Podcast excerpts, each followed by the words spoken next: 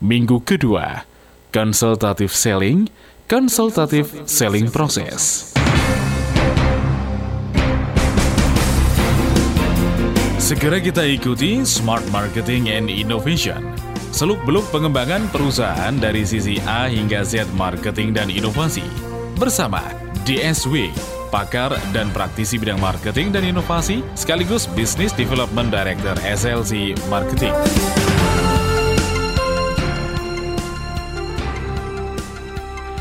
Selamat sore Smart Listeners, apa kabar Anda hari ini? I love Monday ya, jangan I hate Monday Kembali lagi bersama saya Elina Budiarti. Ini dalam live talk show ya, interaktif talk show Smart Marketing and Innovation. Tentunya menghadirkan narasumber tetap kita seperti di minggu-minggu sebelumnya Yaitu ada Pak DSW, Dr. Sandi Wahyudi selaku Business Development Director dari SLC Marketing Inc. Kita sapa dulu, selamat sore Pak DSW Sore Mbak Elina, sore smart listeners di mana pun Anda berada. Tetap kita belajar bodoh Keep stupid. Keep stupid ya, Itu kok dia. belajar bodoh ya? Salah ngomong ini. Jadi kira bodoh sungguhan nanti. Artinya tetap merasa lapar, bodoh akan pengetahuan yang baru. Betul. Demikian kita bisa terus belajar hal baru Untuk mengisi kehidupan kita jauh lebih baik ke depannya. Itu dia. Khususnya di bidang marketing, Marketing. dan inovasi. Iya, itu dia smart listeners September ya. ceria ya. September Saya ceria. bingung tadi mau keep stupid atau keep ceria ya September Mungkin ceria keep soalnya. stupid dan ceria Iya. dua-duanya gitu Tetap ya. ceria untuk hari ini. Betul, oke. Mungkin saya mau uh, refresh atau meremind smart listeners ya. Uh, Ya. Minggu lalu kita dalam rangkaian edisi September yaitu konsultatif selling dan Betul. minggu lalu adalah edisi konsultat uh, konsultatif eh, Selling transaksional versus, versus konsultatif konsultatif. selling. Nah, Hmm, itu dia betul. perbedaannya. Kemudian sudah dijelaskan juga uh, dengan oleh Pak DSW bahwa uh, yang paling baik itu sebenarnya yang seperti apa. Tentu saja ya yang konsultatif selling. Ada gitu. lima perbedaan, Mbak Lina masih ingat? Hmm. Nah, ayo. Nah, saya sudah siapkan biar Nah, kita nggak lupa. Boleh review dikit, Mbak Lina? Boleh, boleh. Jadi uh, bulan ini kita masuk edisi konsultatif selling. Ada empat minggu. Minggu Mhm. lalu kita sudah diskusi lima beda ya antara Betul. transaksional dan konsultatif. Pertama adalah menjadi seorang sales consultant atau melakukan konsultatif selling adalah kita menjadi problem solver, Oke. bukan produk pusher. Karena kalau Mhm. produk pusher itu uh, milik transaksional. Mhm. Yang pertama, yang kedua, kita menjadi tipe sales yang what how, apa lantas bagaimana. Mhm. yakni berangkat dari apa kebutuhan pelanggan, kemudian bagaimana kita me- memberikan solusi kepada pelanggan yang kita temui tersebut. Mm, Jadi bukan bu- dibalik Bukan ya. dibalik, Hmm, bukan eh, how what atau bukan bagaimana apa. Wes, saya berangkat cara jualnya ini, cari pelanggan yang tepat dengan produk yang saya jual. Nah, bukan seperti itu. Fokusnya pada produk pusher nanti kalau eh, HW ya, how what. Hmm. Kita harus menjadi seorang sales consultant yang What how, how. what how. Oke, Itu yang dia. ketiga adalah Hmm. untuk sales consultant kita samakan persepsi, kita fokus pada B2B, business to business, bukan B2C atau business to consumer, Consumer. bukan kita uh, usaha retail, tapi kita masuk ke B2B untuk edisi bulan ini Mbak Elina. Mm-mm. Demikian kita samakan persepsi jangan katakan pelanggan, tapi, Tapi klien, klien. Nah, sudah ingat ya. Betul. Perbedaan keempat adalah kita menjual produk-produk yang high involvement product. Produk yang kita jual dengan cara kita harus mengedukasi calon klien kita tersebut terlebih dulu daripada cuman kasih brosur, kirim katalog, lu baca sendiri kalau sudah mau pesen telepon gua. Bukan seperti itu. Hmm, hmm, hmm. Itu seorang eh, sales yang biasa yang mungkin kalau menerapkan konsultatif selling agak kesulitan. Oleh karena itu menjual produk-produk yang high involvement. Lu saya jualan cuma menu makanan kok. Nah, kalau menu makanan Anda jual catering masuk ke perusahaan, acara wedding, nah ini beda lagi nih. Betul. Perlu sales consultant. Tapi Perlu. kalau kalau kita punya resto yang sifatnya retail, siapa pun bisa tamu walk in datang reservasi di Mm-mm, resto mm-mm, kita, itu nggak usah perlu sales consultant. Hmm, sudah Nah, datang sendiri sudah nanti datang sendiri. betul. Nah, konsep kita adalah menjual yang perlu diedukasi dulu calon klien tersebut. Kemudian yang kelima bedanya adalah short term versus long term. Sales consultant yang mana Mbak Elina? Relationshipnya harus long, Long term, itu jangka dia. panjang. Jadi Benar. kita fokus pada repeat buying, bukan pada first transaction only. Hmm, Itulah lima perbedaan transaksional versus konsultatif selling. Itu dia Ah, yang mana panjang ya. Panjang kan tapi sudah cukup bisa diingat lah ya Ah, itu kita mereview toh. Yesus, betul Mungkin yang minggu lalu ada penting. teman-teman yang nggak ikutan kan bisa oh bisa nyambung lah edisi kita hari karena ini kan parade nyambung semua betul sampai minggu keempat. yes betul sekali Ah. itu dia nah eh, untuk yang sore ini Ya. yaitu pembahasannya yaitu mengenai konsultatif selling process, Proses. Ini berarti prosesnya Ada dalam fase- berkonsultatif ya Betul. Hmm. Kalau minggu lalu bedanya, Hmm. hari ini gimana sih caranya? Ah, Nah, gitu. oke. Bagaimana caranya, Bagaimana seperti caranya. apa prosesnya gitu kan. Ha-ha. Nah, sebelum kita uh, berbicara lebih detailnya Hmm, lagi hmm. tentang proses itu, saya ingin mengingatkan smart listeners dulu untuk Anda yang interaktif dan spesialnya sore hari ini Pak Desu membawakan sesuatu untuk smart listeners Ya. yang mau interaktif akan langsung mendapatkan uh, CD Salesman Strategy. Betul, Ya. salesmanship strategy. Salesmanship strategy di mana nanti pastinya berisikan tentang strategi-strategi jitu dalam uh, Anda uh, melakukan kegiatan sales tentunya ya. Bukan kegiatan sales, tapi, Tapi- lebih kepada manajemen Oke. penjualan. Oh, Ini manajemen khusus penjualan. Anda yang ada di sales manager atau marketing manager. Karena ini sifatnya adalah bagaimana membuat kompensasi bagi tim sales Anda. Bagaimana cara untuk melakukan pemetaan teritori penjualan. Luas area ini kita targetkan segini, luas area tersebut kita targetkan tersebut. Nah, ini eh, diskusi mengenai bagaimana strategi manajemen penjualan di perusahaan Anda, salesmanship strategy. Nah, itu Ada dia. empat jam Mbak Elina. Ada empat jam di dalam Betul di sini ya. Luar biasa. Empat jam ini Mhm. kalau ngomong workshop ini sudah seharian penuh. yang kita jual harga sejuta lah biasanya Oke. di di kantor kami ya. Namun demikian Anda bisa dapatkan for free karena CD-nya semua lengkap ada 4 jam di sana. Mm-mm. Gitu hanya dengan cara berinteraktif atau bertanya Mm. langsung kepada Pak Desu terkait dengan uh, edisi konsultatif selling dan sore hari ini subtemanya yaitu konsultatif selling proses ya smart listeners. Anda akan mendapatkan banyak inspirasi, konsep, strategi serta tips terbaik yang dibutuhkan bisnis Anda untuk lebih optimal dan meraih sukses yang maksimal tentunya. Saya ingatkan uh, yang interaktif tentunya telepon di 031 732 1498 atau SMS ke 0856 461 168889. PIN BBM Smart FM ada di 5158 F514 atau mention ke Twitter kami di @smartfm underscore SBY. Baik, masih ada dua menit sebelum kita break di segmen pertama Pak Desi mungkin kasih bocoran sedikit nih kira-kira Ah, nanti ada oke. apa aja sore ini. Dua menit ya. Mm-mm. Akan ada empat fase Mbak Elina. Oke. Empat fase sebagai seorang sales consultant apa yang harus dilakukan dari fase 1, 2, 3 hingga 4.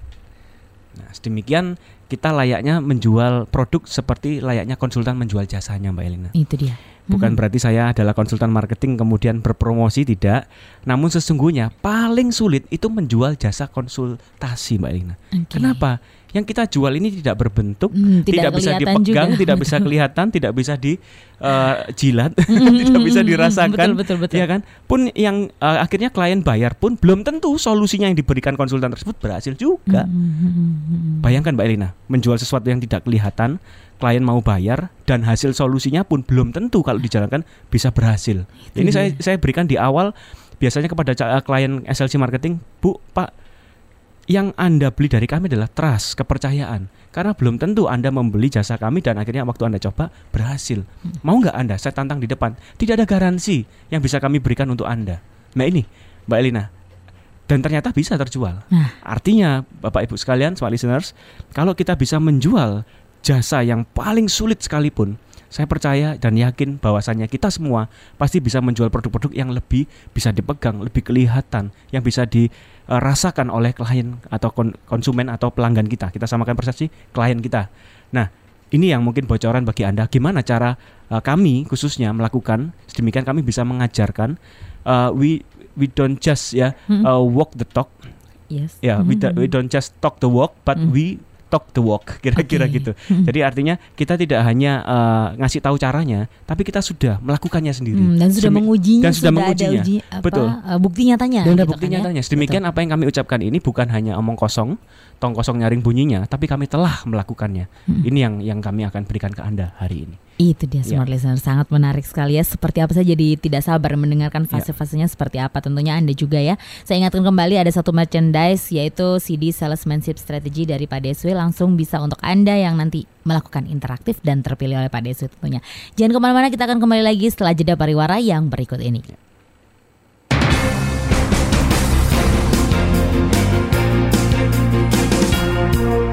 Smart Marketing and Innovation akan kembali sesaat lagi.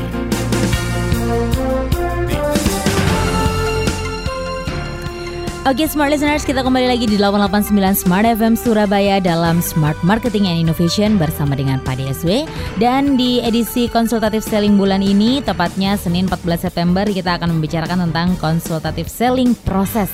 Tadi sudah dijelaskan uh, di segmen kedua ini Pak DSW akan uh, menyampaikan fase-fase apa saja sih sebenarnya yang ada di dalam proses konsultatif selling itu. Silahkan Pak DSW Oke, sebelum saya Bentar, lepas. Oke Oke, sorry. Sebelum saya jelaskan uh, prosesnya atau empat fase itu, Mbak Elina, saya coba kita bayangkan satu keadaan dulu. Oke Oke, Oke bahwasannya waktu kita mau berobat ke dokter. Mm-mm. Ya, oke, Mbak Elina udah ada gam- ba- uh, gambaran? Oke Oke, sudah Sudah ya.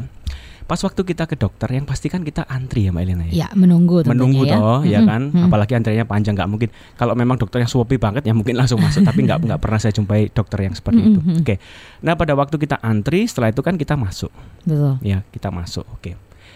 Kira-kira kalau Mbak Elina dokter ini ya meminta anda duduk di depan dokter oke Mbak silakan duduk. Nggak lama dokter ambil secari kertas. Oke. Ya. Kemudian ambil pen, pena, dia Mhm. tulis sesuatu. Habis tulis sesuatu, dikasihlah kertas itu ke kita. Sudah, Mbak, ini resepnya. Anda bisa beli di apotek terdekat atau di klinik kami ini bisa di depan sana belinya. Kemudian dokter itu panggil susternya. Suster, tolong Mbak ini diantar keluar, panggil pasien berikutnya. Ayo next pasien, masuk dong.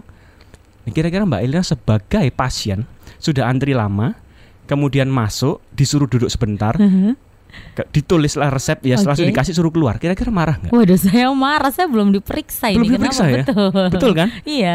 Belum diapa-apain terus coba mbak Elina marah. Wah gimana dok? Ayo Loh, coba. gimana ini dok? Kan Hmm. saya belum diperiksa. Kok saya sudah dikasih resep? Kan saya belum tahu saya sakit apa. Nah saya pun belum tanya mbak. Mbak ada gangguan apa? Kan belum tanya saya jawab gini mbak Elina. Mm-mm. mbak lihat di papan di atas nih Eh, di atas tembok ini saya lulusan Harvard University mbak saya ini dokter terbaik angkatan sekian oke Nah, jadi nggak usah udah, saya nggak usah lihat periksa kondisi Anda, nggak usah tanya, lihat wajah Anda, saya tahu Anda sakit apa. Wow. Ini loh, ijazah saya S3 dokter di bidang misal internis, Anda bisa percaya. Udah, ayo next patient masuk. Mbak, tolong keluar ya. nggak bisa Waktu saya ini terbatas, marah nggak? saya tetap marah Tetap meskipun marah, kan? ada sertifikat itu ya kan Hmm, karena hmm. saya belum ada rasa kepercayaan itu Nah. gitu kan pak Walau lulusan Harvard sekalipun, kita pasti marah. Betul. Sekarang bedakan dengan skenario kedua, Mbak Ina. Hmm. Coba bayangkan lagi ya Mhm, keadaan. mhm. Antri, kemudian Mbak Elina dipanggil namanya, mulai Oke. masuk. Oke, saya sapa. Sore Mbak. Oke, ya, Silakan sore. duduk. Mhm, Oke. Kemudian nggak lama saya eh, periksa apa ini berkas Anda dari suster yang dari depan. Oke Mbak, bisa timbang badan dulu. oke Nah, timbang badan. Setelah timbang, Mbak bisa berbaring di atas eh, bednya, ranjangnya. Oke, kemudian saya pakai stetoskop saya kan, Mhm, mhm. pukul perutnya, puk puk puk. Mhm. Kemudian coba eh, buka eh, mulutnya lebar-lebar, saya sentolop, Mhm, kan gitu kan? betul betul. Ah, oke. Kemudian saya tensi Mbak Elina. Cus, cus, cus, cus, tensi Mm-mm, ya kan. Oke, setelah selesai silakan duduk kembali. Setelah duduk kembali, setelah itu kan saya tanya, "Mbak punya keluhan apa?" kan gitu ya. Mhm. Punya nggak saudara atau orang tua yang punya penyakit yang sama? Saya catat toh. Mhm, mhm. Setelah itu saya catat agak eh, panjang, saya baru ambil sebuah kertas yang tadi. Mhm. Tulis resepnya saya kasih ke Mbak Elina. Mbak Elina lega enggak? Nah lega kalau yang seperti ini saya lega gitu Lega ya? iya betul Resepnya pun yakin untuk dibeli kan? Yakin. Walau mahal Mhm. sekalipun saya pasti beli Yap. supaya saya sembuh toh. Mhm, Nah, mhm. Masalahnya di lapangan teman-teman sales ini kebanyakan menjadi dokter yang pertama, waduh bukan oke. skenario yang saya ceritakan kedua. Mhm. Kenapa demikian? Pas baru aja ketemu calon kliennya, nggak ditanya kebutuhannya apa, punya masalah apa, sebelumnya pernah beli di mana, dulunya seperti apa, nggak ditanya seperti itu, langsung aja sodori katalog. Bu, ini produk saya yang paling istimewa, bu. Harganya tuh kompetitif, bu. Nggak tahu kebutuhannya apa, langsung disodori. Seperti menjual sisir ke kuil biksu, Mhm. sales yang pertama yang kena Hmm, ajar kungfu. Shaolin yang minggu lalu Iya, kan, nggak seperti sales yang kedua, berangkat dari permasalahan pelanggan dulu. Mhm. Nah, oleh karena itu, sales consult sales consultant atau konsultatif selling ini ada empat fase. Sedemikian kita menjual produk layaknya konsultan atau seperti seorang dokter lah kira-kira Mbak Elina. oke Yakni ada empat fase. Fase pertama adalah yang dinamakan pre-call. Pre-call, pre sebelum call telepon atau fase sebelum uh, appointment. Mhm. yakni sebelum mem- kita membuat janji ya Sebelum bertemu. Oke. Artinya fase waktu mau membuat janji kira-kira Oke. seperti Mhm, itu. mhm. Banyak hal yang harus kita lakukan di sana. Yakni yang pertama adalah menetapkan tujuan untuk buat janjinya. Kira-kira saya mau ketemu calon klien ini supaya dia mau ketemu itu saya harus ngomong apa di telepon di awal. Yang pasti kalau di telepon di awal, Bu, saya mau menemui Anda bisa nggak kasih waktu buat saya sebentar? Buat apa, Mas? Ya mau menawarkan produk bu. Oh ya sorry mas saya lagi sibuk. Nggak butuh produk anda Karena kita fokusnya menawarkan produk. Produk betul. Beda kan kalau misal Bu eh, bisa nggak mampir sebentar? Ini ada sesuatu buat ibu yang kita siapkan. Just for you loh bu. Ini sesuatu yang kita desain sesungguhnya untuk gift di awal. Ini untuk mancing mbak Ina Hmm, hmm. Kayak misal kita mau mancing ikan kan harus ada ini kan umpannya toh? Umpannya betul. Betul ya. Kail dan umpannya. Kalau misal kita nggak melakukan umpan dulu di depan Maka yang pasti buat appointment ini bakalan susah Jadi Oke. bagaimana kita mau ketemu seseorang karena ke calon klien ini kan belanjanya banyak Mbak Elina, bukan belanja sekali dua kali. Hmm. Dia kan jangka panjang. Sedemikian kita kasih dulu dong. Yang kita lakukan adalah menabur dulu, Hmm. menabur menabur dan kita akan akan menuai suatu saat nanti. Istilahnya kita memberi dulu. Ya ini kan tangan di atas dulu kan Hmm. memberi. Hmm. Sampai kapan waktunya kita memberi? Nah, ini sampai memang harus ada kita minggu depan itu diskusi ka- sampai kapannya. Jangan memberi terus nggak beli-beli ya. Buang aja ada juga, Ya, ada tendang juga aja sudah. targetnya ibaratnya Ada targetnya, ya. betul. Oke. Bukan berarti kita prinsipnya konsultatif selling ini wah kalau nggak jadi ya su- apa namanya? Terus ada udang di balik Ah, batu. ada. Nah, ya kan? Betul, betul, betul. Ada udang di balik batu ya. Memang semua orang nggak munafik Mbak Lina. Hmm. Kita sebagai seorang sales kan dituntut juga target oleh perusahaan kita, betul ya? Ya. Sedemikian kalau kita satu klien ini sudah PHP kita, pemberi harapan, palsu, ya sudah tendang aja ke laut. Kita cari next next calon klien baru. kan. Hmm, hmm, hmm. Nah, itu fase pertama, yakni menetapkan tujuan untuk buat janji. Apa yang hendak Anda jadikan tanda, tanda kutip oleh-oleh, yakni had- apa gift atau semacam eh, hadiah untuk dibawa pertama kali ketemu. Mbak Elina kalau saya mau ke rumah Mbak Elina saya kasih hadiah mau? Oh mau. Mau kan? Mau, Semua betul orang aja. pasti mau lah kalau dikasih kan. Mm-mm. Nah, ini jadikan sebuah senjata bagi kita eh, teman-teman smart listener sekalian bahwasannya waktu kita making appointment dengan calon klien siapkan sesuatu sedemikian Anda diterima dengan istilahnya awal yakni memberi hadiah itu. Salam sapa pertama juga harus diperhatikan. Mhm. Pembukaan di telepon pertama loh, Mbak Iya. Elina. Mm-mm. Artinya gini, jangan sampai Anda telepon pertama langsung making appointment langsung ingin memberikan hadiah. Ini kan juga curiga, ada Hmm, apa ada ini? apa ini kok Gak tiba-tiba pernah tel- ya betul, nggak pernah telepon, saya ya baru kenal. Mhm. Kok wis mendadak dapat hadiah? Wah, ini pasti ada udang di balik batu. Betul. Kelihatan sekali kan, Mhm. terlalu kasar kan Mhm. gitu. Mhm. Oleh sebab itu kita yang ingin making appointment sesungguhnya kita pernah bertemu dengan beliaunya itu, Mbak Ina. Jadi Oke. bukan soft soft calling, artinya bukan cold calling. Cold itu artinya saya telepon random, nggak tahu siapa yang saya telepon, tidak. Tapi sesungguhnya sales consultant ini harus menelepon orang yang at least pernah ditemui di airport kah, pernah ditemui di acara seminar mana kah, pernah ketemu di mall kah. Paham Oke, ya Mbak Ina ya? paham, At paham. least paling nggak pernah bertukar kartu nama dengan Anda Mhm. waktu-waktu yang lalu. Sedemikian waktu Anda kontak itu tidak lagi ini siapa paling tidak kita masih ingat nggak yang ketemu saya waktu di landmark kemarin Mhm. waktu anak kita non apa waktu anak kita main-main di salju kita kan oh iya masih ingat pak nah paling tidak membuka omongan di awal itu penting loh mbak Elina Mhm. terus waktu kita mau Betul. kunjungan kita nggak ngomong mau nawari produk at least kita mau giving something for you kan gitu Mhm. supaya kita diterima lah di kantornya. Dan ini harus selected juga, jangan klien-klien yang mohon maaf, waduh ini nggak jelas. Anda datangi, Anda upayakan waktu tenaga itu udah biaya toh. Mhm. Pilih yang jelas, pilih yang memang eh, target sesuai, Sesuai, target perusahaan betul. Anda. Ini yang paling utama di sana. Oke. Dan sapanya kali bis kalau bisa Mbak Elina kasih ini masih ada waktu. Oh masih, masih, Masih ya? Oke. Waktu sapa pertama jangan langsung mau datang ngasih ngasih something. Hmm. At least disapa dulu di BBM. Gimana Pak kemarin eh, anaknya sampai jam berapa main? Nah, Pura-pura kan gitu aja. Mhm. Terus satu dua hari lagi sounding apa lagi, broadcast apa, sharing informasi supaya dia tahu apa kita yang apa yang kita jual sih perusahaan kita ini jual apa. At least paling nggak dia tahu dulu.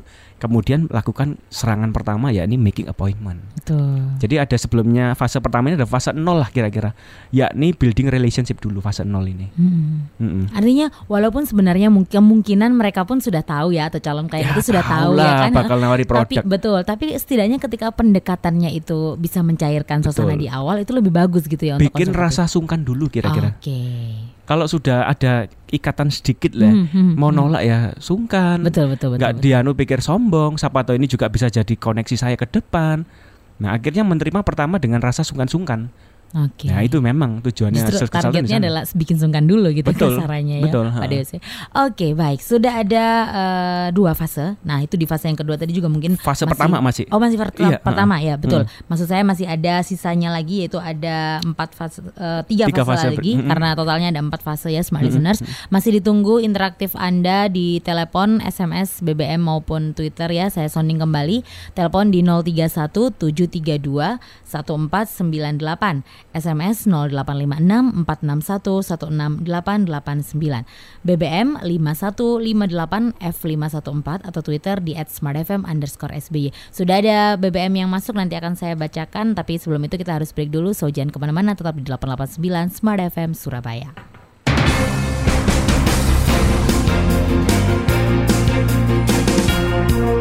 Smart Marketing and Innovation akan kembali sesaat lagi. Baik, smart listeners masih dalam konsultatif selling proses. Ada empat fase ya untuk penjualan konsultatif yang akan disampaikan oleh Pak DSW tadi. Yang pertama sudah ada yaitu pre-call atau Yes. make an appointment. Iya. Oke, silakan buat dilanjut. janji lah ya kira-kira Mm-mm, ya. betul. Oke. Fase kedua ini adalah waktu di mana antara Anda buat janji sampai dengan Anda ketemu. Nah, ini ada ada jeda waktu kan Mbak Elina. Misal, oke, appointmentnya minggu depan ya hari hari Senin jam 3 sore misal. Mm. Berarti kan masih seminggu. Mhm, betul. Gunakan waktu seminggu ini untuk fase kedua Anda, yaitu create interest at the first appointment. Oke. Menciptakan daya tarik sedemikian lu- rupa pada waktu pertemuan Anda minggu depan. Jadi ada waktu seminggu Anda belajar banyak hal. Ngapain saya belajar? Saya kan udah hafal. Hmm, hmm, Ingat ingin Anda menjual sisir ke kuil biksu seperti sales pertama Ya. atau men- menjadi dokter yang pertama atau menjadi dokter yang kedua atau sales yang kedua? Yang seperti yang tadi saya ilustrasikan mhm. yakni menanyakan kebutuhan apa ya problem solver kan jadi eh, apa namanya cara berpikir kita adalah bukan berangkat pada apa yang kita sudah tahu melainkan apa yang kita belum, Belum tahu, tahu. dari yang akan kita temui minggu depan nanti atau minggu depan besok dari eh, fase appointment yang kita sudah lakukan jadi seminggu ini eh, smart listener sekalian kalau masih ada waktu seminggu bahkan mungkin mepet besok ya waduh ini berarti semalam anda jangan tidur kan gitu Oke. pelajari sedemikian rupa minimal websitenya Mbak Elina. Oke. Minimal kalau dia punya website. Saya rasa perusahaan besar pasti punya website lah. Kita kan ngomong klien kan. Hmm. Ngomong istilahnya high involvement produk kita menjual produk yang bukan produk-produk yang mohon maaf Yang murah, biasa. yang biasa. Mhm. Karena klien kita tentu besar, ya kan? Iya. Jadi minimal mereka punya website pelajari. Kemudian eh, pelajari di website apanya? Nah, jangan lihat sesuatu yang visual saja. Memang di sana kan pasti cantik, grafis, Mhm. desain grafis, visual grafis Menarik kan gitu menarik ya. kan Mhm. tapi cari paling tidak visi misi value perusahaan tersebut apalagi anda besok ketemu dikatakan dengan direkturnya Oke. atau istilahnya petinggi pentolannya lah di Mhm. perusahaan Mhm. at least cara ngomongnya kita udah menyamakan frekuensi dulu Oke. kalau dia value nya ini besok aku kira-kira ngomong ini. Kalau kalau dia jualannya itu saya kira-kira harus nembak ke situ. Nah ini harus kita punya strategi yakni question strategy. Strategi bertanya kira-kira. Mhm. kan kita kalau temui orang eh, gunakan waktu sebanyak mungkin untuk bertanya jangan menjelaskan.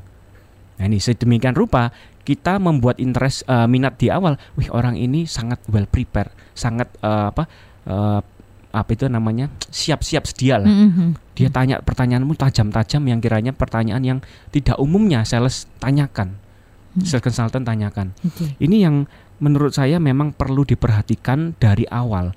Karena biasanya, ini ngomong biasanya Mbak Ila, sales datang dengan perlengkapan yang seadanya, bukan seadanya ya, yang biasanya dibawa lah. Oke. Cara ngomong saya gini, tapi tidak belajar kedalaman dari klien tersebut yang sedang dihadapi. At least tahu ndak bos big bossnya kalau di Jakarta siapa nama lah. Minimal kalau anda temui kepala cabangnya kacapnya di Surabaya, anda tahu siapa nama big bossnya yang di Indonesia minimal lah. Anda paling nggak bisa sedikit-sedikit cari press release, yakni track record dari perusahaan yang anda akan datangi tersebut. Prestasinya apalah, paling nggak Hmm. disebut lah. Wah hebat ya Pak, sudah dapat prestasi ini ini, Mhm. dapat penghargaan piagam ini itu. Loh kok tahu Anda? Iya tahu lah Nah. Pak. Semalam nggak tidur kan dalam hati kan gitu kan Iya, ya. iya, iya, iya. Untuk apa? Memuji dulu, praise, Hmm, giving praise, mem- memberikan Mencip- pujian, menciptakan, Menciptakan interest lah. interest. Nah, persiapkan itu eh, Mbak Elina dan smart listener kalian sehingga kita bisa lebih siap dan menciptakan daya tarik. Tapi waktu kita ketemu pun ya, ini fase kedua adalah waktu dari appointment hingga bertemu kan. Fase kedua ini juga masih include sedikit yakni pertemuan itu sendiri. Oke. yakni katakan eh, minggu depan kita ketemu. Ya fase kedua ini ya juga masuk minggu depan. Minggu itu saat ketemu. Saat ketemu sekarang kita lebih maju dikit ya mbak Elina ya. Lebih maju dikit saat kita ketemu harus ngapain? Itu kan? Ngomong masalah kartu nama. Ngasih kartu nama aja. Kalau ngasih kartu nama kita masih pakai tangan satu satu tangan maka kita harus segera ubah mbak Elina. Kita harus berikan dengan kedua tangan kita. Memberi kartu nama aja. Simple tapi ini sesuatu yang sangat-sangat eh, apa ya attitude Betul. sikap gestur Jadi- tubuh kita ini kelasnya lebih sudah gitu mm, ya, lebih menghargai ya. Dan sedikit agak membungkukkan badan kita se- 15 hingga 20 derajat. Ya. Tapi jangan jedok kepalanya kira-kira gitu sakit kan gitu. ya. Nah, posisi kartu Oke. nama pun, Mm-mm. posisi kartu nama waktu Mhm. kita kasih Mbak Elina, Ya. itu sebisa mungkin terbalik. Kenapa dibalik? Supaya orang yang terima kita lawan depan kita bisa langsung membacanya. Hurufnya nggak terbalik gitu loh. Oh, oh ya. Bener, Mhm, bisa mhm, dibayangkan ya. paham, Sengaja paham, kita paham. balik, mhm. Kebalik kalau kita baca, tapi bagi lawan-lawan yang kita mau kasih Sudah kartu nama langsung Eh, langsung terbaca. sama Itu. dia ya. Oke. Nah, biasakan juga grooming Anda diperhatikan. Selain gestur waktu memberikan kartu nama, grooming, at least bau badan, kemudian eh, rambut Anda rapi, wajah Anda juga jangan istilahnya eh, habis kena panas terik matahari. Kalau Anda naik motor, s- misal ya, Mhm, mhm. cuci muka lah dulu di toilet yang ada di sana. Setidaknya Anda tampil fresh, itu yang paling penting. Mhm. Nah itu grooming yang harus diperhatikan. Nah waktu ketemu sudah kasih kartu nama, anda dipersilakan duduk. Nah, satu kata yang paling penting yang jangan dilupakan di fase kedua ini. Sebelum kita beranjak fase ketiga, Hmm, saya sudah mulai dikasih kode harus masuk fase tiga. Oke. Oke, sebelum kita masuk fase tiga, satu kalimat yang tidak boleh kita lupa ucapkan di awal, Mbak Elina. Yakni kita menjelaskan yang namanya dalam tanda kutip storytelling. Oke. Storytelling ini siapa sih kita, apa beda kita dibanding kompetitor kita. Singkat padat jelas satu dua patah kalimat, namun itu yang akan membuka perca- percakapan kita selanjutnya. Selanjutnya. Selain daripada waktu kita ketemu gimana Pak kabarnya, itu harus itu umum ya, bahasa basi yang umum. Wah bagus ya Pak kantornya, puji dulu aja. Mhm, Bagus ya Pak mhm. kantornya, itu dulu. Nah setelah dipersilakan duduk, barulah ngomong storytelling. Adalah beda kita dibanding kompetitor satu dua patah kalimat. Apa yang SLC lakukan biasanya? Hmm, apa itu? Ya apa kira-kira Mbak Elina? Nggak, nggak tahu ya. Ah, ya itu dia. Ah, Saya itu jadi dia. penasaran Oke. juga ini apa biasanya. Pak, Bu, SLC Marketing bukanlah motivator. Kami edukator, kami konsultan, kami trainer dan pelatih bisnis coach. Jadi kalau. Anda mencari motivasi di tempat kami, salah. Karena kami tidak mengajarkan sesuatu yang sifatnya sesaat tapi yang permanen. Itu dulu. Satu dua kalimat, oh ah, berarti Anda bukan motivator. Bukan. Oke. Nah, itu memposisikan diri. Terus apa bedanya SLC marketing dengan ing-ing yang lain? Nah, Hmm, ada hmm. beberapa ing-ing yang lain di Surabaya soalnya, Hmm. konsultan marketing. Beda kami adalah fokus pada marketing dan inovasi. That's it. Oke. Titik sampai sana. Marketing dan inovasi. Selesai. Makanya program ini namanya apa Mbak Elina? Smart, Smart Marketing And and, Innovation. innovation. Oke. Nah, setelah itu baru kita diskusi yang lain Hmm. panjang lebar. Itu fase kedua selesai. Kita break, kita selesai eh, salaman jabat tangan, Pak, Bu, kita akan kirimkan eh, proposal by next week ya. Ma- Maksimal atau tiga hari, three days ya dari sekarang kita akan kirim. Kita akan masuk fase tiga sebentar lagi. Oke. itu Mau lanjut fase tiga? Hmm, boleh boleh. dulu? Masih ada empat menit sih, Pak Pak Desi. Boleh masih empat Oke, menit. empat lagi. menit cukup. Mm-mm. Oke. Fase tiga adalah fase di mana waktu kita pulang hingga kita akan kirim proposal. Eh, entah by email kah atau by post atau Anda datang kali kedua untuk menyerahkan berkas proposal tersebut. Nah, ini adalah fase ketiga Mbak Elina, yakni making proposal dan preparing for second Second appointment. appointment. Oke. Buat proposal ini nggak gampang. Fase 3 ini fase yang paling menantang. Karena apa? Jangan sampai kita bikin salah bikin quotation, salah bikin penawaran.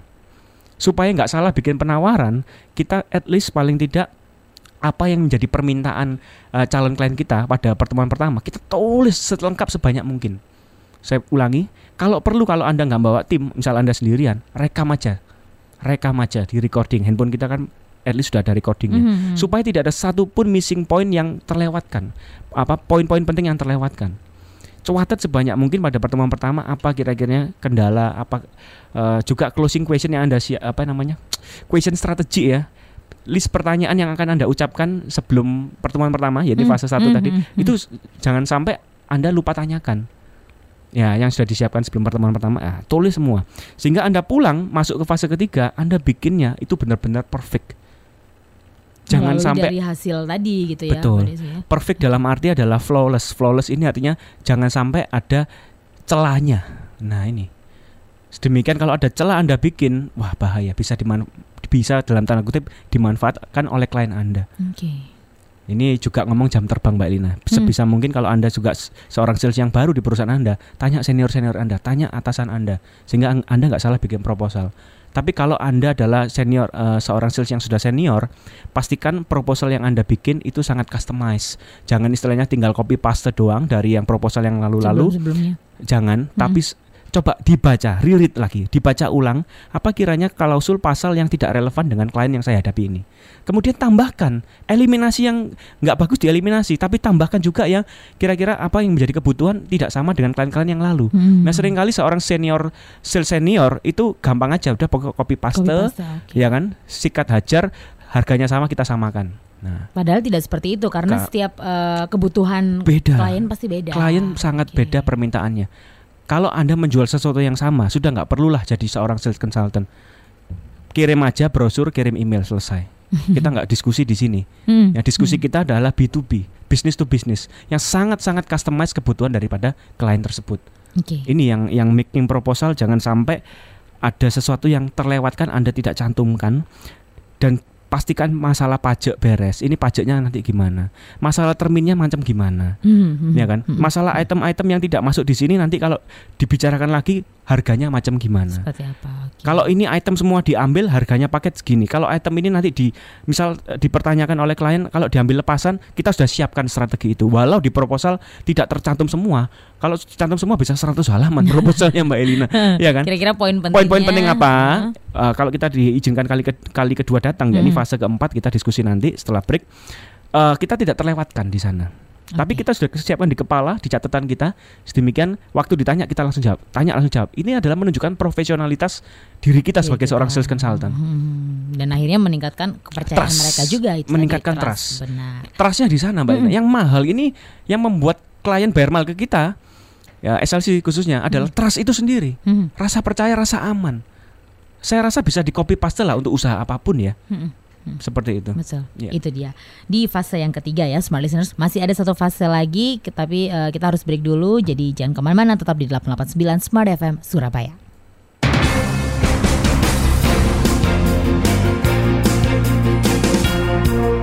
Smart Marketing and Innovation akan kembali sesaat lagi.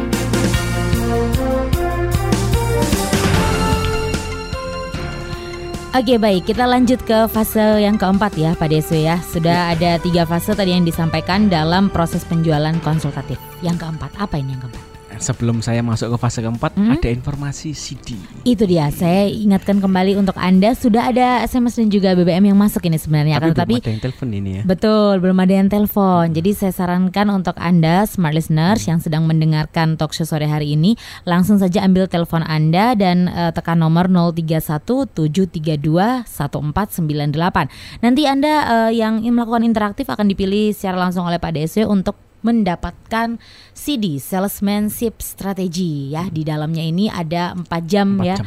4 jam eh, tutorial Topiknya bisa itu. dibacain, Mbak ya? Ada di bawah itu, bawah kanan. Oh, ini yaitu Eh, yang mana ini? Bukan dibalik, Oke. Bal- bawah kanan. Nah, itu dia. Ah, ini Empat- ada empat topik. Mm-mm. ada empat topik atau salesman strategy chapter ya. Yang Hmm. pertama yaitu from sales recruitment to placement. Mm-mm. Kemudian yang kedua sales compensation and benefit. Mm-mm. Yang ketiga sales knowledge management dan Hmm. yang keempat adalah sales metrics and evaluation. Yes. Evaluation. Aduh, ini lengkap sekali ya Iya, Desi dari ya. A sampai Z-nya manajemen penjualan lah. Betul, Bagaimana betul. memanage sales people, strategi untuk jualnya kayak gimana. Mm-mm, dan ini biasanya didapatkan eh, ketika workshop gitu Workshop ya. Akan sehari tapi full, ini bisa Anda dapatkan hanya dengan melakukan interaktif ke Smart FM dan langsung bertanya kepada Pak DSW. Saya Mm. ingatkan lagi nomor teleponnya yaitu 031 732 1498. SMS 0856 461 16889. PIN BBM Smart FM ada di 5158F514 atau Twitter at smartfm underscore SBY. Oke Pak Desi, Hmm. sambil menunggu yang interaktif ya, kita lanjut dulu di fase yang keempat. Baik. Fase keempat adalah handle objection dan gain commitment atau uh, menghandling penolakan dan bagaimana kita mendapatkan komitmen. Oke, ada telepon yang Ada masuk ini rupanya ya. langsung ya. Silakan. Oke, kita angkat dulu. Halo, selamat sore. Selamat sore. Ya, Eh, sore, Pak. Pak DSW dari Erik. Dari siapa, Pak? Erik. Oh, dari Erik. Pak Oke. Erik dari Amerika nih. Mm-mm, mm-mm. Silakan, Pak. Iya, Pak Erik. Saya mau tanya, misalnya sales itu dengan toko, apakah itu juga B2B, Pak? Aduh, putus-putus Pak Erik ini. Pak. mohon maaf, Pak, bisa diulangi sebentar, Pak? Eh, kalau sales itu eh, hubungan dengan toko, itu apakah juga B2B? Oh, kalau sales berhubungan dengan toko, apakah disebut juga seorang yang melakukan konsultatif selling? Betul ya Pak Erik seperti ini ya? Betul, Iya. Oh, oke. Baik, Pak. Mm-mm. Ya, Terima itu dulu aja, Pak. Iya, iya Oke, Pak Erik. oke, Erik. Oke. Terima kasih. Ya. Mm. Oke. Baik. Sesungguhnya eh, Pak Erik terima kasih atensinya juga. Sesungguhnya konsultatif selling ini adalah sebuah metode, Mbak Elina. Sebuah Oke. metode pendekatan saja ya. Bukan berarti sesuatu yang beda banget antara eh, kutub utara kutub selatan, bukan. Cara kita berpikir aja dirubah dikit aja pola pikir kita, mindset kita, kita sudah menjadi seorang yang melakukan konsultatif, Konsultatif selling. selling. yakni berangkat dari kebutuhan pelanggan apa, kita kasih produk apa yang sesuai kebutuhan dia. Jadi kita datang tujuannya adalah nggak langsung ngasih katalog ini loh spring bed yang model baru pak, ini laku keras di pasaran. Jangan-jangan dia ngomong, lah iki lho, sing lawas durung payu kabeh.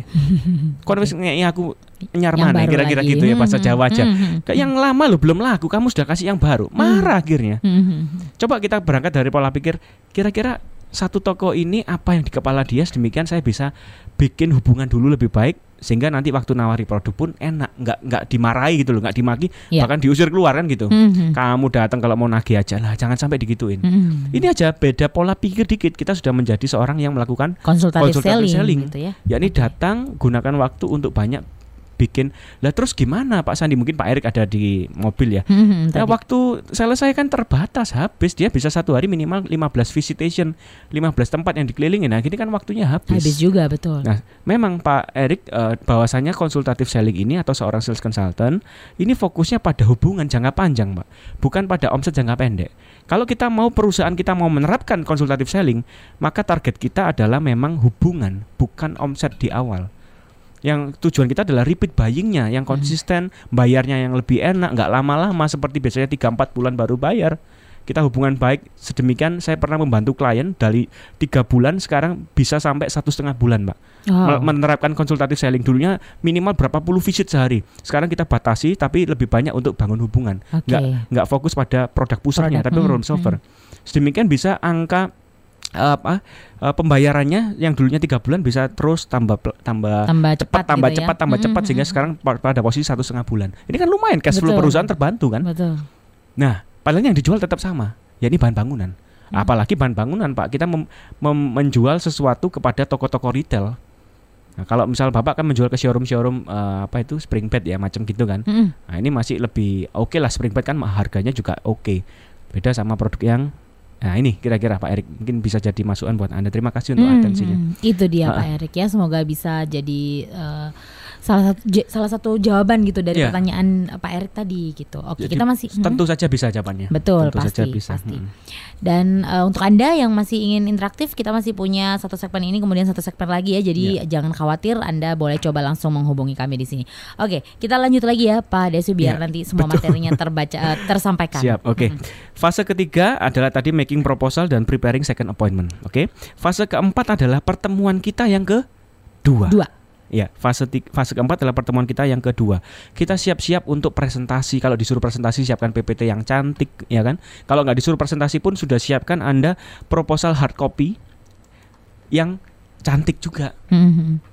Paling tidak itu saya eh, biasanya kan gini ya Pak Desu, Hmm. ada yang yang soft copy juga sudah ada, yang hard Betul. copy sudah ada. Jadi buat jaga-jaga biar Hmm. lebih lengkap lagi Betul. gitu Soft ya. copy sebaiknya juga kita kirimkan Hamin satu. Oh, Mbak begitu. Sedemikian paling nggak dia udah pelajari Betul, betul, dan betul. waktu pertemuan kita yang kedua itu tidak lagi dia waktu untuk baca udah habis. Hmm. Setidaknya dia udah pelajari langsung kita strict strict ya eh, apa uh, to the point ya, Hmm, strict to the hmm, point tujuannya adalah apa yang belum Anda pahami. Langsung aja. Hmm. Dari yang kami kirim kemarin Pak soft copy, apa yang belum Anda pahami. Nah, gunanya hard copy itu untuk dicoret-coret. dan kita bisa bawa pulang coretan-coretan itu untuk bikin bikin proposal yang revisi. Hmm, yang Edisi sesuai revisi. dengan Yang sesuai customize-nya klien kebutuhannya. itu tadi. Nah, Oke. ini yang Pak Erik loh, kan salesku nggak butuh itu, kan Hmm. memang ke langsung nah ini memang nggak bisa sepenuhnya diterapkan Pak karena memang fokus kita B2B Oke. eh, bukan ke retail ya istilahnya ke bisnis to bisnis Hmm. Oke, nah kemudian yang ke eh, item yang pertama adalah siapkan presentasi yang baik, perhatikan aspek visual presentasi, siapkan hard copy-nya, oh, proposal Anda supaya bisa dicoret-coret, kemudian kirimkan tadi apa Mbak Elina, soft copy-nya Hmm. Hamin satu supaya Hmm. bisa dipelajari dulu, Betul. sehingga kita datang strict to the point. Yang item kedua adalah cek temperatur klien. Oke. Cek temperatur klien ini jam terbang juga sih Mbak Elina, gampang-gampang susah ya. Bahwasanya kalau seorang sales consultant sudah akan sudah tahu klien ini sudah mulai hot. Temperatur ini kan ngomong suhu tubuh ya. Hmm. Kalau klien itu sudah hot, sudah panas, sebaiknya cepat di closing. Tapi kalau klien itu masih bingung-bingung, masih nggak yakin dengan proposal, jangan di closing dulu. Nah, cara mengclosing pun ada ada triknya Mbak Elina. Oh ya. Iya, closing question atau pertanyaan closing itu harus kita berikan segera kalau klien sudah panas. Karena kalau klien sudah panas nggak cepat kita closing, dia masih bisa berpikir dua tiga kali kompetitor lain lah. Kemudian masih banyak pikiran Hmm, yang berkecamuk di kesempatan buat nggak jadi juga gitu banyak kan ya? Kesempatan seperti itu nggak jadi Hmm, akhirnya. hmm, hmm, Jadi contoh Mbak Elina waktu ke showroom ya. Sudah kali kedua datang ke showroom yang mobil ini, showroom mobil ya. Pertama datang cuma tanya-tanya minta brosurnya Mas kan gitu kan. Terus ketemu kedua paling nggak sudah test drive toh, diajak keliling-keliling test drive. Per- pertemuan ketiga ke showroom yang sama ketemu Mas yang jual mobil yang sama. Hmm. Sesungguhnya Mas itu harus segera menanyakan closing question, pertanyaan closing karena Mbak Elina sudah hot banget. Sudah tiga kali ketemu. Caranya gimana closing question kalau di showroom mobil? Gimana Mbak? Warna apa? Merah atau biru?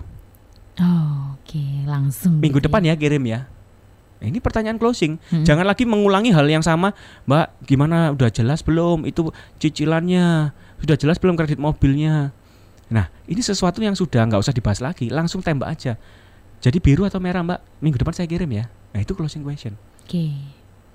Nah, Hmm, hmm. nah kalau properti macam gimana? Kalau eh, klien tersebut calon klien yang akan beli properti tersebut sudah menunjukkan hot banget, apa kira-kira statement terakhir yang di mulut yang keluarkan oleh mulutnya? Perkataan ucapannya. Contoh Mbak Elina. Hmm. Gini mana Pak? Mentok harganya segini. Nah, kalau sudah ngomong mentok harganya segini, Anda sebagai seorang property agent langsung aja sikat closing question seperti ini. Oke Bu, mau booking fee hari ini? Oh, Booking fee-nya sekarang ya? Gitu. Nah ini Hmm, hmm, hmm. sudah nggak perlu jelaskan. Oh iya sudah mentok, kita sudah bantu, bla bla bla. bla." Ini sudah hot banget. Langsung disikat aja. Booking fee-nya mau sekarang Bu, saya bikinkan surat pesanannya. Langsung aja. Hmm, hmm, hmm. itu apabila sudah kelihatan hot juga gitu. Bener, Tapi akan tetapi kalau belum juga jangan langsung terburu-buru juga kan ya. Benar, karena kita terkesan memaksa. Betul. Akhirnya dia takut sama kita, ketemu lagi Yes. takut. Hmm, hmm. Akhirnya pergi, kita nggak Mm-mm. dapetin dia. Hmm, hmm, hmm. Nah ini yang ke fase keempat adalah handle objectionnya macam gitu Mbak Elina. Oke. Dan mendapatkan komitmen, yakni memberi clo- closing question yang tepat, Hmm. tepat pada waktunya dan tepat pertanyaannya. Oke. Ngomong gampang saya tahu ngelakuin susah tapi paling tidak kita sudah dia. tahu pola pola kerjanya konsultatif selling proses ini sedemikian kita bisa melakukannya dengan baik Mbak Elina Hmm. Oke Ada baik sudah ada Mbak? enggak ini ada SMS kira-kira Oh, oke, dibacakan aja ya waktunya sudah agak Ah, mepet oke, oke, tapi siap, siap. paling tidak Sorry, salah sorry. satu saya bacakan dulu. Hmm. Selamat sore Pak DSW, saya Nurul di Surabaya. Saya ingin bertanya, saya baru buka cabang usaha di Surabaya. Eh, Kira-kira eh, usaha saya yang lama ada di Semarang. Menurut Pak DSW strategi apa yang harus saya lakukan agar usaha saya bisa dikenal dengan orang ya, mengingat tempat usaha saya yang sekarang ini kurang strategis. Terima kasih. Oke. Oke. jadi Ibu Nurul terima kasih bertanya usahanya sekarang di Semarang akan buka di Surabaya betul ya sudah buka di Surabaya, Sudah buka di Surabaya. akan tetapi uh, Hmm. kurang strategis yang di Surabaya ini. Hmm. Gimana caranya agar dikenal? usaha apa itu Oh, oh sorry, ini tadi beauty salon, hair and beauty salon. hair and beauty salon Hmm. usahanya lokasi kurang strategis Yes. Nah, oke. Ini memang agak sedikit keluar dari rel kita nih Mbak Hmm, Ina ya, hmm, relnya hmm. konsultatif selling. Hmm. Karena ini sifatnya retail kan. Oke, coba saya bantu jawab aja. Eh, namun mohon maaf bagi pemirsa yang lain karena kurang relevan dengan topik kita. Bahwasanya kalau memilih lokasi salah, Mbak Elina. Anda punya waktu untuk merelokasi. Oh gitu, oke. Minimal dua tahun pertama kalau memang gerutnya nggak ada, sudah pindah aja. Daripada kita luka lebih dalam lebih dalam, gerogoti kita kena kanker nanti akhirnya kantong kering kan gitu. Oke. Jadi Hmm. paling tidak ada time frame waktu untuk kita namanya trial error. Hmm. Yakni buka di lokasi ini kiranya kelihatannya nggak strategis, eh ternyata laku keras. Bebek Sinja itu. Lokasinya apa? Nggak delesep sekali. Delesep banget. Tapi seluruh warga Indonesia datang ke sana semua sekarang. Betul, ya. Ini kan sesuatu yang yang aneh kan? Mm-mm. Nggak orang ngomong gila, bikin nasi bebek di pinggir hutan kira-kira. Sekarang Hmm, ya, ramenya bukan main. Ini kita gitu. nggak tahu harus trial error. Mm-mm. Tapi kalau ibu sudah merasakan itu satu dua tahun terakhir nggak berkembang, sudah relokasi Pindah selesai. saja gitu ya. Iya. Oke, Oke. itu dia untuk Ibu Nurul ya. Satu lagi boleh Pak Desu ini SMS yang masuk. Ya. saya mau nanya ini melenceng dari topik ya. Dia sudah tahu melenceng dari Oh, topik. maaf. saya baru lulus kuliah dan sekarang bingung mau buka usaha sendiri atau cari kerja. Saya Hmm. pernah buka usaha les privat tapi nggak jalan. Kira-kira apa saran yang cocok buat saya ke depannya? Terima kasih. Oke, sebelum Anda buka usaha, coba lihat ini ini kan masih muda ya, Mhm. ibu atau bapak saya manggil Mas atau Mbak aja. Mm-mm. Mas Mbak, coba lihat diri Anda. Anda itu sukanya apa sebelum buka usaha? Kalau mau kerja ikut orang juga lihat Anda mau bekerja di bidang apa. Betul. Jangan sampai Anda buka usaha dulu baru wah nggak cocok sayang Anda sudah investkan waktu, tenaga, bahkan biaya, uang untuk mendirikan usaha. Coba Hmm. lihat kembali flashback hidup Anda waktu masa kecil. Anda itu paling suka ngapain? Mhm. Kalau waktu kecil, waktu remaja Anda suka menggambar, ya bidanglah seni kira-kira, Hmm. desain apa segala. Kalau Anda sukanya apa, lakukan apa. Itu Itu, dia. yang mungkin saran bagi Anda sebelum Anda membuka usaha. usaha. Saran saya adalah siapa diri Anda, temukan Betul. dulu. Temukan dulu passionnya di mana baru ngikutin ya. Yes. Oke baik eh, kita mungkin ada tambahan lagi yang ingin disampaikan sesuai dengan topik kita edisi Betul. hari ini. Fase keempat ini Mbak Ina. Kalau Mhm. tadi berujung manis ya. Yes. Oke Pak, saya ambil warna merah lah. Mhm. Oke Pak, saya mau booking fee, booking fee-nya hari kasih hari ini. ini. Mhm. Alhamdulillah, puji Tuhan. Kan istilahnya Ya, dapat ya, tuh closing. betul, betul, Tapi betul. kalau waduh, nggak dulu deh Pak, mungkin saya coba pertimbangkan. Hmm. Oke. Ini customer yang mulai kasih PHP, sinyal PHP bagi kita, pemberi harapan palsu. Oke. Oke Pak, kita bisa kapan ketemu lagi? Mungkin saya bisa jelaskan lebih dalam kalau Bapak mungkin hari ini lagi sibuk. Itu yang pertama. Yang kedua kalau ditolak seperti itu, minta referensi nama, langsung minta referensi nama. Pak bisa nggak kita kasih ke saya siapa kiranya teman Bapak yang membutuhkan jasa atau produk yang saya jual, Pak. Siapa tahu saya juga bisa bermanfaat bagi rekan Bapak tersebut. Segera Oke. minta referensi nama. Karena biasanya orang yang nolak seperti ini akan sulit kita hubungi lagi. Hmm. Akan sulit kita hubungi lagi, alias sudah menghindar dari kita. Hmm. Ini hati-hati pada waktu kita kasih closing question, pertanyaan closing untuk mengclosing dia, kalau nggak tepat waktunya bisa seperti ini. Oke. Nah, segera minta referensi nama. Mhm. At least paling nggak segera masukkan database dia, yakni orang yang kita temui sudah berapa kali itu ke dalam eh, apa handphone kita. Waktu kita broadcast broadcast dia dapat terus, Oke. supaya dia keep update, keep kontak dengan kita, informasi produk yang terbaru kita dia bisa tahu. Tahu. Paling nggak kalau nggak beli sekarang lah, kita yakini bulan depan beli. Kalau bulan depan nggak beli kita yakin tahun depan Tahun depan. beli di tempat Karena kita. jangka Amin. panjang itu Karena tadi jangka ya panjang. konsultatif tadi. Mm-mm. Dan Apalagi- tetap disapa dong. Yes. Gimana Pak Bu kabarnya kan? gitu. Yes, apalagi dengan kita memberikan konsultatif selling yang baik itu tadi kan Hmm. pasti dia akan mengingat terus oh ini bagus sekali dalam memberikan saran-saran atau Yes. referensi kepada kepada kita. Baik, Pak Desu terima kasih banyak untuk sore hari Ya, ini sama-sama. ya. Oke, terima kasih banyak Pak Desu ya, Ya. sekali lagi untuk smart listeners juga yang sudah mendengarkan dari pukul 5 sampai pukul 6 sore ini semoga bermanfaat tentunya. Jangan lupa untuk terus menantikan episode-episode atau eh, edisi-edisi Ya, selanjutnya ya ya. karena masih dalam satu rangkaian yaitu edisi konsultatif selling. Oke, baik. Terima kasih sekali lagi. Akhir kata saya Elina Budiarti dan juga Only marketing can drive innovation. Saya DSW Dr. Sandi Wayudi, Business Development Director SLC Marketing Inc. hanya, untuk Smart FM. Mitra bisnis, jika Anda merasakan manfaat luar biasa dari seri Marketing Innovation Lesson ini dan ingin mendapatkan versi lengkap yang sudah disusun per judul berupa CD maupun podcast, sedemikian bisa dipelajari lebih mendalam, silakan kunjungi website kami di www.slcmarketinginc.com atau ke Shopee official store kami di SLC Marketing. Anda bisa mendapatkan harga spesial dari kami. Ikuti terus knowledge sharing dari kami. Saya DSW Dr. Sandi Wayudi, Presiden SLC Marketing Inc., founder of Connectpedia. Sukses untuk kita semua.